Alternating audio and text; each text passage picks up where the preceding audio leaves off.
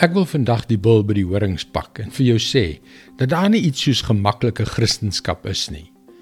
Trouwens, dis net mooi die teenoorgestelde.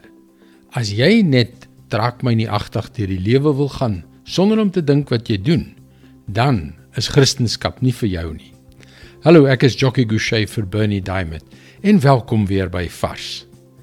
En as jy nou effens ongemaklik voel, is dit 'n goeie ding want kristendom het uit die wrede koelbloedige dood aan die kruis op Golgotha ontstaan en is nie daar om mense te troos en goed te laat voel nie. Die vroeë Christene is genadeloos vervolg omdat hulle verkondig het dat Jesus uit die dood opgestaan het. En weet jy dat meer Christene gedurende die 20ste eeu as in die vorige 19 eeue saam gemartel is. En as dit nie genoeg was om jou te laat regop sit nie, is die nuus dat die vlaag van vervolging teen Christene tans dwars oor die wêreld besig is om toe te neem.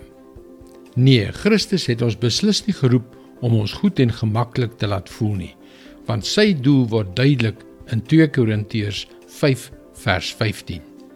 En hy het vir almal gesterwe sodat die wat lewe nie meer vir hulle self moet lewe nie, maar vir hom wat vir hulle gesterf het en uit die dood opgewek is. Nou ja, sê my, voel jy goed en gemaklik as jy hierdie woorde hoor? Toe maar, moenie bekommerd wees nie, ek ook nie. Dit is hoe ons geprogrammeer is.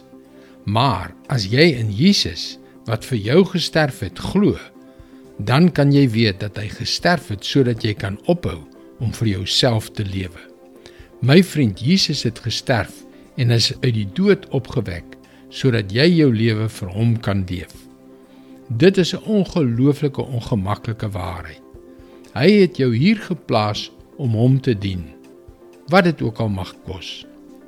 Daar is mense in jou lewe wat nodig het om Jesus se liefde deur jou unieke gawes en vermoëns te ervaar sodat hulle van 'n Christuslose ewigheid gered kan word. Ja, laat ons maar die waarheid in die gesig staar. Daar is nie iets soos gemaklike kristendom nie.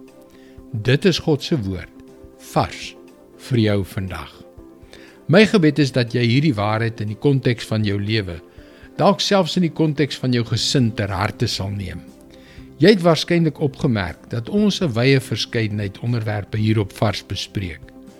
Jy kan gerus laat weet as daar enige onderwerpe is wat jy graag wil voorstel dat ek moet bespreek. Laat weet my asseblief by teachingtopics.org. Mooi loop. Tot môre.